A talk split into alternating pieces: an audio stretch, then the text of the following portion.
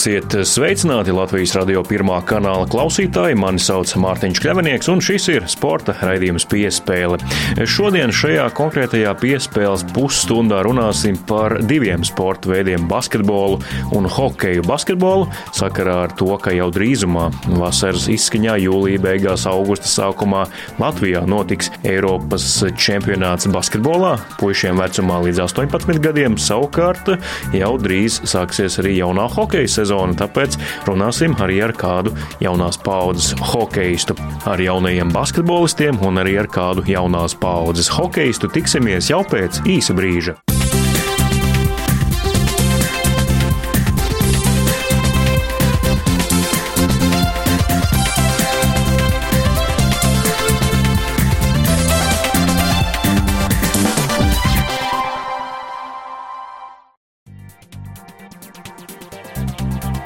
Vasaras otrajā pusē Latvijā notiks Eiropas basketbola čempionāts eh, junioru izlasēm puišiem vecumā līdz 18 gadiem. Pirmās piecas dienas turnīrs norisināsies Liepājā un Ventspilī, bet pēc tam pārcelsies uz Rīgu, kur arī noritēs izšķirošie mači. Latvijas 18-gadīgo puišu izlase gatavojas nopietni. Viņi lej sviedrus Meža parka sporta kompleksā, kur ir pieejama gan basketbola zāle, gan viesnīca, gan laba ēdināšana un iespējas arī iegremdēties turpat ne netālu esošā ezera ūdenī. Lai uzzinātu par to, kā gatavojas komanda, devos uz Meža parka sporta kompleksu un sarunājos ar komandas treneri Gunāru Gailīti un diviem no komandas spēlētājiem. Latvijas radio sporta raidījums piespēle ir atbraucis uz Meža parku un pavērot, kā tad trenējas Latvijas basketbola jaunā mājiņa, proti jaunieši līdz 18 gadiem. Šī vecuma izlase gatavojas Eiropas čempionātam, kas noritēs Latvijā. Un uh, treneru Artūru Visotska Rubeņu un Gunāru Gailīšu vadībā tad arī šeit tiek lietas viedri un ne tikai, arī iet ezerā tepat blakus. Un uh, par to visu mums pastāstīs gan komandas dalībnieki, gan arī pats treneris. Šodien ar mums kopā ir Gunārs Gailīts. Labrīt! Sveiki! Un tāpat arī divi spēlētāji, Oskars Hlebovickis un arī Artūrs Kurus. Arī labrīt jums! Labrīt, labrīt, labrīt. Šis ir agrs rīts, pietiekami agrs rīts radio klausītājiem. Jums brokastis jau pārēstas, un tālāk, treneri, kas ir plānā, kāds, kāds ir tas dienas ritējums komandai gatavojoties čempionātam? No rīta brokastis, stundu pirms treniņa, tad ir pat mums meža parkā zālē svara, svara nodarbības pie fiziskās sagatavotības treneru vai basketbols, pusdienas, un pārsvarā pēc tam arī mums ir vakar treniņi, jā, atkarībā no, no dienas. Puisī, kā ir? Kā jūs, cik jūs treneris nodzināt? Nu, nodzināt pamatīgi, bet ir ielikt fiziskā bāze un visi ir gatavi strādāt un tur turās diezgan labi. Ar tur? Kā tev? Es teikšu, ka īstenībā ir uh, daudz treniņu salīdzinoši, bet viss ir kontrolēts, jo mums arī ir uh, savas brīvās dienas, un treneri arī skatās, lai mums nav pārgrums kopējs visiem, un viņi mēģina mums turēt labākajā formā, labākajā tonusā, lai mēs būtu spējīgi radīt maksimālo sniegumu. Bet treneris saprot, ka tās metodas ir nu, dažādas. Ir tātad gan basketbola treniņi, gan cross, fiziskā sagatavotība, kā jau pieminējāt, un kā jau es teicu, ievadā, tad eit arī ezerā. Kas tās ezera procedūras tādas ir, kas slēpjas zem šī divu vārdu termina ezera procedūras? To mēs tā, kā, kā mums fiziskās saturs treneris Ēriks, kas saka, tas basēns, pēc treniņa basēns. Nu, ja mums ir lieliski iespēja atjaunoties, ja, tad tas ir jāizmanto ezerā, tad, tad puiši pēc treniņa līdz viduklim iebrien ezerā un nu, 10, 8, 10 minūtes ir jāpavada, lai, lai muskuļi atjaunojās ātrāk. Brīvā dabā tāda ledus vanna, puiši kā ir, nu, jums tas pirmreizēji vai kaut kad tāda pieredze ir bijusi, kad dzenjos ezerā? Nu, ezerā treniņa laikā es neesmu gājis, nu, bez treniņa. Bet sākumā bija smagi, bet tagad uz kārtējām dienām ir palicis jau vieglāk, jau ir pierasts. Jā, nu, ja ūdens ir silts kā piens, tad tas nu, nekādas grūtības nesagādā. Bet šādā laikā, kad ir mākoņi, varbūt vēl uzlīst, es saprotu, ka ir bijuši arī vērotāji biezās jakās, kur izbrīnās, skatās, ko jūs tur darāt. Ir arī tādi gadījumi gadījušies, jā, bet tas arī mūs norūda. Kopā mēs arī to pārvaram, visu komandu. Kopā stāvam, runājamies un īstenībā baigi forša komandas sadarbība. Tāda. Kāds ir mikroklimats jau šobrīd komandā? Manuprāt, ļoti, ļoti labs. Pirmo reizi esmu tik labā atmosfērā izlasē. Visi džeki ir forši, visi cīnās. Uz laukuma visi ir kā ienaidnieki, bet ārpus laukuma visi esam draugi un ļoti forši īstenībā. Un arī tas talantu līmenis, kas ir pulcēts, un tas pietiekami augsts. Gan to Artūru gan Artūrs Žagars, jūs abi Artūri un vēl arī Valmieras talanti. Nu, protams, neaizmirsīsim arī Oskaru. Visi kopumā ir, ir talantīgi paudzi. Jā, piekritīšu, konkurence ir tiešām liela. Bet kā Artūrs teica, ka visi ir draudzīgi ārpus laukuma, bet uz laukuma visi ir kā ienaidnieki. Cīnās par sevi. Kā treneris no malas redz to to, to vēlmi konkurēt par vietu sastāvā? Pirmā lieta jau, kad bija aizvēlēts kandidātu saraksts, tad viņš bija diezgan garš un tas spēlētājs skaits bija limitēts, kurus aicināt uz, uz pirmajiem treniņiem un dabūjām jau palauzīt galvu tur. Garajā galā varbūt tā konkurence gribētos lielāku, vairāk tieši auguma centimetru ziņā, bet nu, mazajā galā nu, tur uz katru pozīciju ir 3-4 spēlētāji ļoti līdzīgi un, un mēs arī pēc treniņiem vienmēr apspriežam kurš varbūt bija labāks, kurš, eh, kurš kuram varbūt netik labi ir veicies. Tad nu, mainās rangs katrā tajā pozīcijā, pēc katra treniņa gandrīz. Kā ir jums personīgi strādāt brīžos, kad eh, galvenais treneris Artūrs Visotskis Rubens ir aizņemts eh, darbā pieaugušo izlasē? Savādāk ir, jo man mainās loma gan man, gan arī ar pārējiem treneriem, kas ir. Bet es domāju, ka uz komandas kvalitātes īpaši iesver neatstāja. Visu treniņus mēs filmējam, treneris pēc tam paskatās, jā, dod savus ko, korekcijas komentārus. Mēs eh, pēc katra treniņa uzreiz sazvanāmies, pārunājam visu, kas ir noticis. Kā jums, kā komandas spēlētājiem, Oskar un Artur, ir šeit meža parkā? Viss ir, nu, kā saka, pie rokas. Viesnīca, zāle, ezers ēšana, viss ir vienu vietu, kā jau arī treneris ārpus ieraksta teica, nu, ja trenētos Olimpiskajā sporta centrā, tas viss būtu daudz loģistiski sarežģītāk. Jā, tieši tā. Ļoti, ļoti laba vieta. Šeit ir viesnīca, ir laba istabiņas, ļoti, ļoti labs gultas ārts. Tas jau galvenais, lai varētu izgulēties. Galvenais, lai garums pareizs. Basketbolistiem tas svarīgi. Nu, viņš pēc ir, bet nu, tas jau nekas pierasts jau. Ēšana arī ļoti laba. Ezers, kur ieli iebrist iekšā. Viss ideāli. Ar to, kā jūs sadalījāt, kurš ar ko dzīvos istabiņā? Īstenībā tas pats par sevi kaut kā sanāca. Es biju pienācis izlasēji bišķi vēlāk uz treniņiem. Man nekas neatlika, tikai iet uz istabiņu, kurā bija tikai viena gulta brīva. Nu, tad man vajadzēs turien iet. Es nezinu, kā pārējie džekti to sadalīt, tas Oskaram jāprasa. kā bija? Oskar? Neko vienkārši. Mēs atbraucām un tās, kuras istabiņas brīvas, visi sagāja. Tad, nu, kā jau teicām, ka visi draudzīgi, tā kā nebija nekāda problēma. Tomēr nu, 14, no 14 gadiem jau tāpat esam spēlējuši viens pret otru un jau visi esam pazīstami. Ar to tev bija arī izbraukums izbraukums uz uh, Amerikas Savienotajām valstīm. Uh, redzēju, kā brāli draftēja Nacionālajā basketbola asociācijā. Varbūt tagad drusku norobežojoties no izlases, uh, pastāst par šo pasākumu. Nu, kā tur viss noritēja, jo Rodions pagaidām mēdījiem ir ierobežots pieejams, tāpēc nu, vēršos pie tevis. Nu, protams, pieredze ir ļoti nereāla, ļoti forša. Tas ir kaut kas vienreizējs, un man liels prieks man brāli. Ļoti nopietns pasākums, milzīgs, daudz daudz īstenībā spožāks nekā es to domāju. Ja? Nekā televizorā izskatās. Pārdzīvojumi arī bija nereāli. Būt trīs dienas tajā vietā, redzēt labākos spēlētājus, būt e, ciemos pie klubiem, NBA klubiem, redzēt to visu atmosfēru, tā ir milzīga motivācija. Es domāju, tas arī tas, kas man palīdzēs nākotnē. Un mans brālis, protams, e, viņam arī tas pats. Viņš to ieraudzīja visu, viņš saprot, kur viņam tiekties, kāda tur spēlētāja viņam blakus, un līdz ar to viņš arī pats progresēs ļoti strauji. Jā, nu, ja vēsturī Rodions pārrakstīja to, ka viņš ir sastais e, draftētais no Latvijas, tad brāļi nekad vēl nav draftēti no Latvijas. Tas arī varbūt vēl ir nākotnē potenciāls jums abiem. Es par to nebiju aizdomājies, to nezināju, bet nu, ļoti laba informācija, un tā būs vēl viena man papildus motivācija. Vai ģimene uz vietas tur, nu, kā jūs apspriedāties, kā Rodions vairāk bija ar savu aģentu kopā, vai jūs tomēr visi bijāt kā kopums un arī domājāt, spriedāt, nu, ar kuru numuru, kura komanda varētu izvēlēties, varbūt likums iekšējās likāt pašu sev? Katrs spēlētājs tajā drafta, drafta naktī zina apmēram 3, 4 līdz 5 komandas, jā, kuras viņi varētu nodraftēt. Bijām visi kopā, Es biju Rodions, mūsu vectēvs, kas ir mūsu treneris no bērnības, un eh, Artūrs Kalnīs, jā, aģents. Un drafta laikā notiek visādi treidi, tā teikt, maiņas, jā, starp komandām. Tur izpēr kaut kādu vietu, ar kuru draftēs. Un līdz ar to tu pa lielam vispār nezini, kurā tu pikā būsi un kur tu tiksi tas ir ļoti liels pārsteigums katram spēlētājam, kur viņš tiks. Ko jūs no pilsētas redzējāt? Kā varbūt gājāt kādās gan jau vakariņās, atzīmējot notikumu? Bijām izteigājuši diezgan daudz Ņujorku, bijām arī gājuši pa lielam visu laiku ēst. Mēs jau beigās, kad braucām atpakaļ, visi domājām, ka mēs esam noguruši jau ēst tik daudz. un, un aizgājām uz uh, vienu no labākajiem restorāniem, saucās Salt Bay. Tas ir viens tāds turks, kas ir, uh, tā kā viņam ir savējā līnijā restorāna pa visu pasauli un bija ļoti laba pieredze arī. Nu. Oskars gan jau arī vēro internetā ceremoniju, turēja īkšķis par ar Arturu Brāveni. Protams, protams, bet gribējās jau pašam redzēt to tiešraidē, bet tas notika pārāk vēlu. Treniņš bija nākamajā, nākamajā rītā, tāpēc ne, nebija variantu izturēties. Šādos gadījumos treneris nav izņēmums. Mm, nu, nē, es, es pats arī nākošā rītā pamodos stundu agrāk un ierakstā izgāju cauri draftam. Es, es skatījos, kad, kad draftēja Kristapā Porziņa, tad es skatījos un Andru Biedriņu. Sanāk, tad es skatījos tiešraidē, bet arī bija ļoti garš pasākums. Tas, mm. Tas par Nacionālās basketbola asociācijas draftu Artūram nedaudz vairāk pievērsāmies.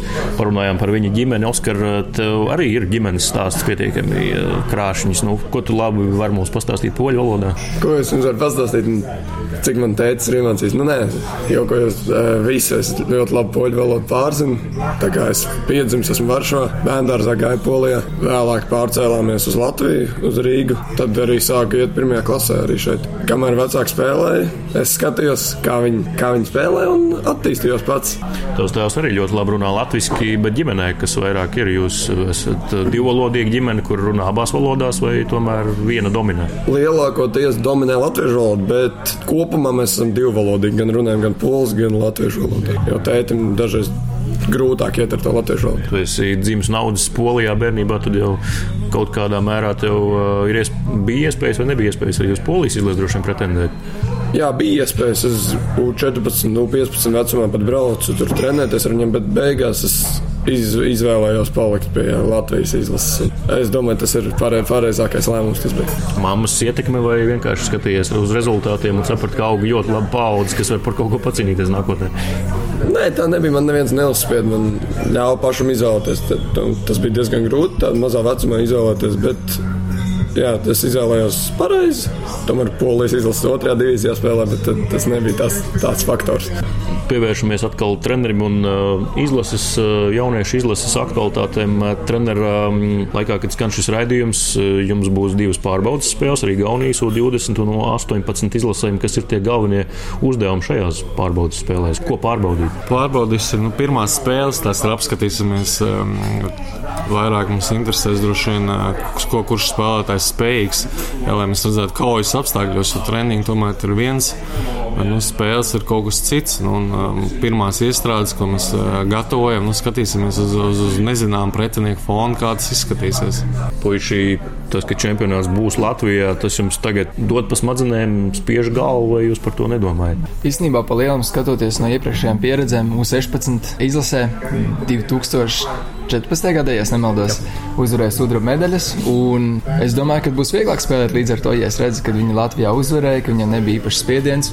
Esmu diezgan pārliecināts, ka tas man palīdzēs spēlēt mājās. Motivācija mums palīdzēs uzvilkt mūsu skatītāji. Es ceru, ka būs daudz skatītāju, ka mums būs atbalsts. Tas būs mums ļoti, ļoti svarīgi īstenībā. Tas ir uz to, tas, uz ko mēs ceram. Kā ir Oskar vai Rādio jau tagad interesējās par biļetēm, kā varēs tikt uz spēlēm un tam līdzīgi? Protams, protams, interesējās. Visi jau grib redzēt mūsu mūsu sasniegumus, mūsu, mūsu uzvaras. Jā, liela interese tomēr ir ieraudzīt mūsu darbībā.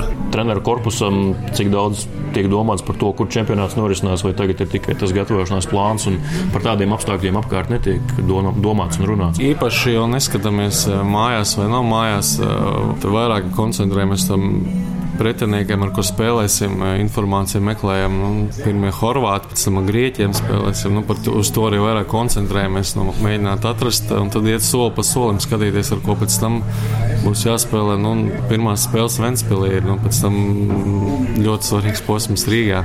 Ventspils posms būs uh, parādījis to ceļu, kur, kur mēs iesim pēc tam. Nu, Tālāk, sarunā Latvijas radio sporta raidījuma piespēle teica gan Latvijas uh, 18-gadīgo puikas izlases spēlētāji Artūrs Kuruts un Oskars Lebovicks, gan arī viņa treneris Gunārs Gailīts. Vairāk Latvijas radio jūs neaizkavēs, ļaus atgriezties pie treniņu darba. Nu, tad saku jums visiem trim paldies, un tad jau tiekamies spēlēs gan Vēnspilī, gan arī pēc tam Rīgā un ceram uz kaut ko, uz kaut ko labu un pietiekami augstvērtīgu čempionātu noslēgumā. Paldies! paldies. paldies. Tas ir ļoti pašsaprotami, ka Latvijas sauc, tad tur nav variantu. Tu vienmēr saki, ka jā. Es cenšos katru spēli palikt labāks, katru spēli augt. Tad, kad jau ir uh, sezonas beigas un, un starpsezona, tad tu vari palikt vēl labāks spēlētājs.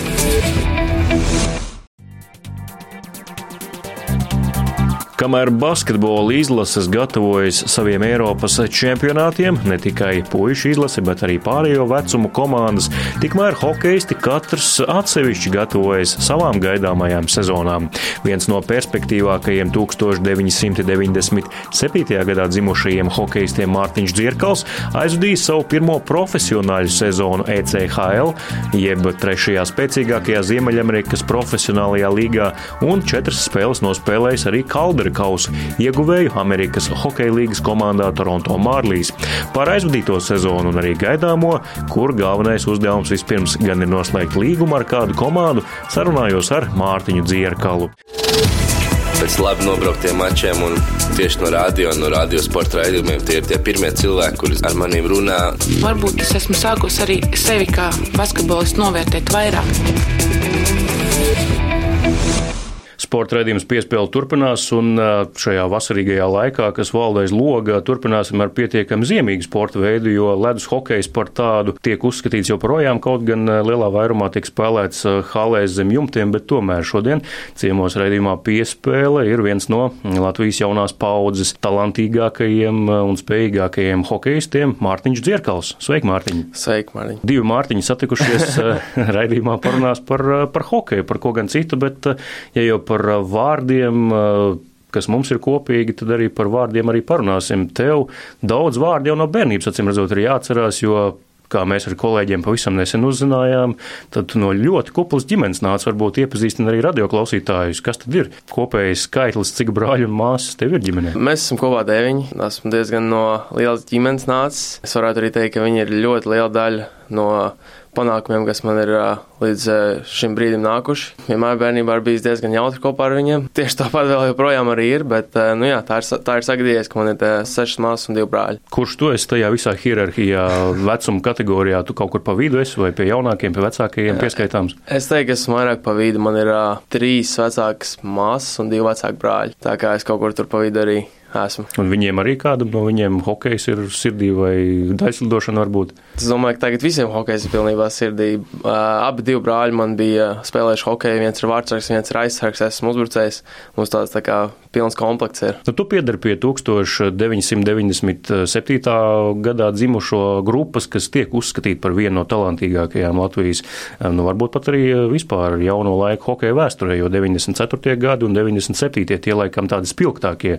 Nu, tu esi spēlējis vienās jauniešu izlasēs kopā gan ar Rudolfu Balceru, kur jau tagad arī katra maisaimniece laikam zina pēc šī pasaules čempionāta Dānijā, tāpat Kristiānu Rubīnu, kas bija izlasē, un vēl daudziem citiem zināmiem uzvārdiem uzvārdiem arī pieaugušo hokejā. Tu jau bērnībā jūti, ka jūs tādi talantīgi esat sapulcējušies. Ja ne bērnībā, bet uh, es joprojām arī tagad visiem saku, ka tieši 97. gads, manuprāt, uh, mūsu tieši tas, kas bijām U20, U18, mūsu 97. gads kā komanda es jau teicu, ka būs ļoti daudz no viņiem spēlēs lielā izlasē tuvā nākotnē. Tiešām tur ir ļoti liels talants tajos, tajos cilvēkos. Jā, Mārtiņ, bet nu tad uh, sarunas turpinājumā parunāsim par hokeju vairāk un um, arī par nesenāko sezonu.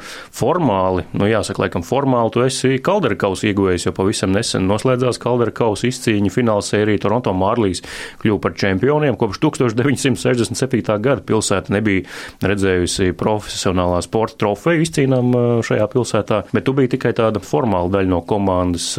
Kā tu jūties, kā kausa ieguvējs vai tomēr nē? Es neteiktu, ka es jūtos kā kausa ieguvējs, tā kā es nebiju tur īpaši piedalījies tajā visā. Mazliet sezonas laikā nospēlēju pāris spēles, bet uh, komanda, man ir prieks par viņu. Viņi visā AHL tablā bija augšgalā, pirmajā vietā, un uh, playoffs arī noturēja tādā nu, malečko, ka viņi tā izdarīja. Viņiem katru gadu vienmēr bijis viens no stiprākajiem sastāviem, bet uh, kaut kā nekad nebija aizgājuši tik tālu. Tā kā tikai var apsveikt čekus, visu zinu. Tā, jā. Tev tikai četras spēles ierakstītas protokolā, vai tu zini, kāda ir procedūra, kā ir Amerikas Hokeja līgā, vai tu esi interesējies? Tev būs gredzens, būs plāksnīt. Godīgi sakot, es tiešām nezinu. Es biju dzirdējis par to NHL gredzeniem, bet uh, es nebūtu gatavs viņu pat pieņemt, ja godīgi, jo uh, regulārajā sezonā es nospēlēju, kā jau teicu, tās četras spēles, bet uh, playoffā nebija piedalījies. Ja tur kāds būtu satraumējies, es varētu stāties vietā, bet uh, par laimi viss bija kārtībā. Un, es nebiju līdz pašam kausa beigām tur. Es biju divas vai trīs kārtas, īpaši neatceros cik. Pēc savas ECHL sezonas beigām man aizsūtīja uz AHL, un tur trenējos kopā ar visiem tiem, kas bija rezervē, un mēs bijām gatavi iestāties, ja kāds satraumētos, iestāties viņu vietā. Tā kā līdz pašām beigām es tur nemaz nebiju nebiju. Es jau biju atsūtīts atpakaļ šeit. Jā, kā jau tu minēji, tad lielākā sezonas daļa tomēr tev pagāja ECHL, kas ir nu, Ziemeļamerikas hokeja tas trešais labākais līmenis aiz Nacionālās hokeja līgas un Amerikas hokeja līgas. Ko tev Toronto piedāvāja, kādas variantus? Uzreiz AHL vai kad uzreiz brauc uz ECHL vai kā, kāda bija tā pirmā saruna? Bija, bija nometne un uh, vajadzēja parādīt sev no labās puses. Komanda bija ļoti laba, neatradās vieta man, aizsūtīja ECHL, sezonas laikā pasaules augšu. Tā arī viss notika. Varianti ir katru gadu NHL, protams, tikai tev jārāda sev no vislabākās puses. Ar to Toronto viņi ar to NHL nekad nav steigušies. Tāpat kā Viljams Nīlenders, kas tagad spēlē, un uh, visi tur tagad AHL ir ļoti daudz cilvēku, kas ir jau sen gatavi NHL, bet Toronto viņ, viņiem vienmēr patīk izlaist cauri AHL un uh, tikai tad uz NHL. Orlando, nu tā pilsēta, kur uh, saule spīd laikam katru dienu, kā ir spēlēt tādā saulainā pilsētā? Godīgi sakot, bija, bija ļoti forši. Man uh, patika, viss apmierināja. Hala bija viena no labākajām, kādām esmu spēlējis. Tur spēlēja NBA klubs arī. Vasarā tur bija viss caur gadu, tāpēc ir uh, mazliet uh, jocīgi atbraukt šeit, kad tagad ir īstā vasara, bet es nejūtos tā kā būtu vasara, jo man tur bija visu gadu vasara. Un, um, Sniegu gribās tagad? Mazliet gribās īstenībā, jā. jā, tur bija visu caur gadu karsts, varēja sauļoties, spēlēt hokeju, bija mazliet tā interesanti un uh, visi, visā citādi apmierināja visi. Komanda kā komanda vienmēr ir uh, iepazīsties, spēlējot kopā ar viņiem, ar, ar kādu spēlētāju, kāda viņi ir kā personības, kā spēlētāji. Tur bija daudz no mārliem nosūtīts, lai bija kādi 7, 8 cilvēki. Tā kā zināju arī bezmazliet puskomanda, kā kāds ir farm klubs, Mārlī farm klubs. Tas attālums um, un vispār divas dažādas valstis uh, šīm komandām, tas, tas tā nav problēma, ka viena ir ASV, viena Kanādā. Nebija trīs stundas lidmašīna. Tagad man, es atceros, izsauc uz augšu, bija jābrauc trīs stundas lidmašīna. Jā, nebija jau tik traki vienīgi Toronto Torontos tur ziemā uzreiz bija ļoti augsts, kad man izsauc bija tieši uz jauno gadu Ziemassvētkiem. Tur koferi jāieliek siltās dienās. Jā, viss bija līdz koferi. Tas ir tas grūtākā daļa, man liekas, hokeistam vienmēr jābūt visam līdzi. Un, uh... Toronto tev ik pa laikam sūta ieteikumus dažādus, ko un kā darīt, kā trenēties, kā ēst, kādu diētu ievērot. Kāda ir tā saikne šo gadu gaitā, vai tā ir tāda pati? Viņi joprojām tik ļoti tevi uzmana, vai kaut kas ir mainījies? Viņi arī tev sūtīs ēpastus par visiem, kā ēst, kā gulēt pareizi kā tur zālītē strādāt, ko tur uz rokām uzlēts un visādas tādas sīkumas. Jā, saikni ir ik pa laikam arī sezonas laikā tur uzraksta, nu, kā ik pa laikam kāds tur uzraksta papers, kā iet un, un tā tālāk. Kādas vēl viņa padomus dod, nu, tiem, kuri jau ir lielie sportisti, noslēguši lielos līgumus, tiem ir tā lekcija par to, kā naudu pareizi tērēt un uzmanīties no, no meitenēm, kuras tev varbūt grib izvilināt naudu vai no azartspēlēm ko jaunajiem, kuriem vēl nav lielais līgums, vēl mācās papildus sportiskajiem. Jā, man, man tās lietas vēl neviens nav nekad teicis par to, bet par uh, visām tām uh, gulēšanām un ēšanām un uh, vienkārši par tām visām sīkajām lietām, kas tev, kas ietekmē, kāds būs hokeja spēlētājs. Cik var nopelnīt ECHL? Tas, tas būs noslēpums, bet tur ir citādāk līgumi. Man bija AHL līgums, tāpēc man tas neietekmēja nekā CCHL. Man ir uh, viens bija AHL alga. AHL līgums uz uh, vienu summu, un ECHL spēlētājiem ir citādāk līgumi. Manuprāt, tie spēlētāji. Viņiem viņi ir nopelnījuši vairāk, un viņiem uh, vajadzētu dot vairāk. Jo, godīgi teikšu, ka ECHL man likās grūtāk vēl spēlēt nekā kad es biju sācis uz AHL uz tām četrām spēlēm. Daudz grūtāk, un tie spēlētāji, manuprāt, ir pelnījuši vairāk nekā viņiem tiek dots. Kad Artur ir bija 2003. 4. gada sezonā šķiet nosūtīja uz um, ECHL Karolīnas Hurricanes, tad uh, sporta avīze to nodēvēja par uh, hokeju Sibīriju, Amerikas hokeju Sibīriju, nu, ņemot vērā apstākļus, kāda ir NHL un kāda ir ECHL. Nu, pastāst, kā tur ir sadzīve ārpus, vai jūs lidojat, braucat ar autobusiem, kādās viesnīcās paliekat, kādi ir tie kopēji apstākļi? Viss bija kārtībā kārtībā. Hoteļi viss bija labi ar autobusu. Bet tā kā es teicu, ka manuprāt, ECHL spēlē grūtāk nekā AHL. Tā ir tāda grūta līga, tur visi tur lido, dod iekšā, kā bortējās, tas bija daudz, daudz trakāk izjūtams kā AHL, un tas tur ir trīs mājiņas tikai, kas nozīmē, ka ir daudz vairāk skriešanas. Jā, ECHL arī tāda kaušu līga, tā visi, es nezinu, kāds bija vecajos laikos. Es domāju, ka tas bija vēl daudz trakāk, bet jā, tur arī spēlēja par tādu Trevor Gilijs, ja nemaldos, viņš bija KHL tāds liels kautlis. Vitjas jāspēlē. Jā, un uh, tas arī tur vēl joprojām spēlē, tā kā viņš nekur nav pazudis. Tā kā ir daudz uh, smieklīgu stāstu par, uh, par to līgu, bet uh, bija interesanti, un es domāju, ka tā ir tikai laba pieredze, un uh, kas tev ļoti labi sagatavos nākotnē. Tur, tajā līgā, kautiņi notiek gan iz katru spēli, un uh, mums arī bija savs politisks komandā, kas uh, vienmēr iestājās par jebkuru, jebkuru čalu ar lomu. Esmu apmierināts. Protams, kā vienmēr jau var jau labāk. Vienmēr var labāk. Kamēr tu vēl biji Amerikā, tikmēr nu, šeit Latvijā daudzi, es domāju, lielākā daļa jūt līdz Latvijas hokeja izlasē, kur spēlēja Dānijā, Herningā un Kopenhāgenā. Kā tu vēroji pasaules čempionātu? Centos skatīties spēles cik vien varēja, bet man, es biju tieši tajā laikā ar, ar Orlando sākumā, pēc tam ar Mārliem, kam man izsauc. Skatījos spēles, ka man bija laiks, protams, jūtu līdzi maniem tiem čaļiem, es jau tur daudz arī pazīstu. Latvija, Norvēģija. Papildu laiks.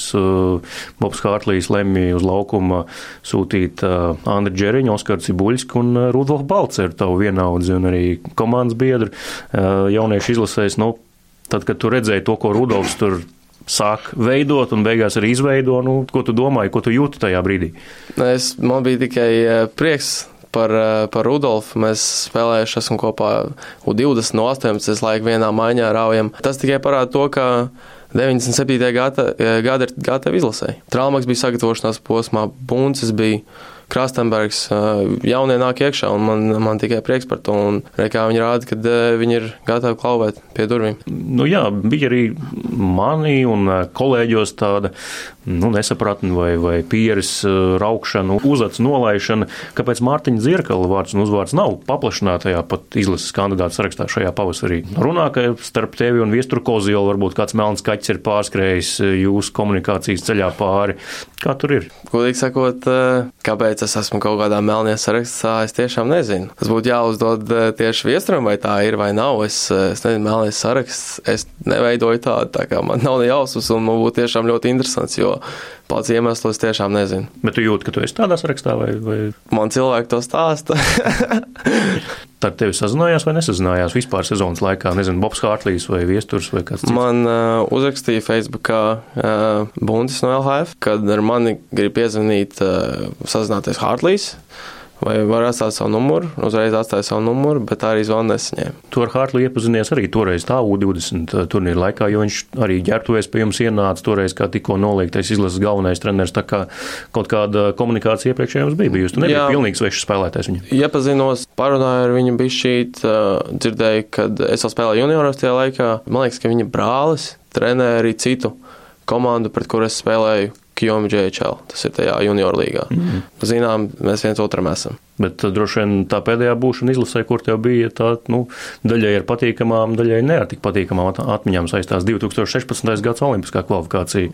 Tavu pirmie vārti, bet uh, tomēr netikāt uz Pjončānas spēlēm. Jā, bet uh, man kā jauniem es joprojām atceros, man liekas, tas ir tāds top, top notikums ar mani hokejā, spēlēt uh, visu Latvijas līdzjutēju priekšā ģimenes priekšā Latvijā debitēt izlasē vēl iemest golu, nu, tas bija kaut kas nu, tāds necams. Un uh, joprojām tāds skudriņš skriet, un uh, jebkuru brīdi, kad tev ir iespēja pārstāvēt Latvijas ielas, es vienmēr būšu pār un vienmēr skriešu turien, jo tas jau man no bērnības ir bijis, kad uh, pa televizoru spēlē skatos tos uh, pasaules čempionāts, olimpiskās spēles, un uh, atceros, kad es olimpiskajā kvalifikācijā spēlēju ar visiem čaļiem, kurus skatījos pa televizoru. Un, uh, tāds respekts pret viņiem visiem. Un, jā, man tas ir vienkārši. vienkārši jo, protams, skatoties tāds stimuls un rauties uz priekšu un darīties. Kur tā ripa tagad stāv? Pie mammas Jālgavā. Lai gan rezultāts bija 7-1, bija smieklīgi, jā, jo tur nevajadzēja beigt tur svinēt. Tas bija 7. gols, bet, nu, nevar neko izdarīt. Tas bija pirmais izlases gols vispār. Tā kā, jā. Tāda, lūk, mums saruna raidījumā piespēle ar Mārtiņu Dzirkalu hokeistu. Pašlaik viņam ir 21, tā kā visu vēl hokejā un arī dzīvē priekšā. Kas ir tev tuvākie mērķi hokejā tagad? Nu, droši vien. Tagad ejam uz līgumu. Pēc tā skatīsim jauns mērķis, pavadīt labu sezonu turpināt iet uz priekšu, attīstīties. To arī novēlam. Nu, paldies, Mārtiņ, tev par to, ka atnāci šodien uz Latvijas radio un pastāstīji par, gan par bijušo, gan par gaidāmo savā karjerā. Nu, tad novēlam izdošanos visā, ko tu esi iecerējis. Vispirms jau to līgumu, pietiekami labu, pagaidām nenaudīgu, bet labu attīstībai, un tad jau redzēsim, kas notiks tālāk. Un gal galā ceram tev kādreiz ieraudzīt arī tajā zili baltajā kreklā ar to Kanādas kļavas lapu uz krūtīm un Toronto uzrakstu. Paldies par sarunu un tiekamies atkal kādu kādu citu reizi. Paldies, ka pasauc! Paldies!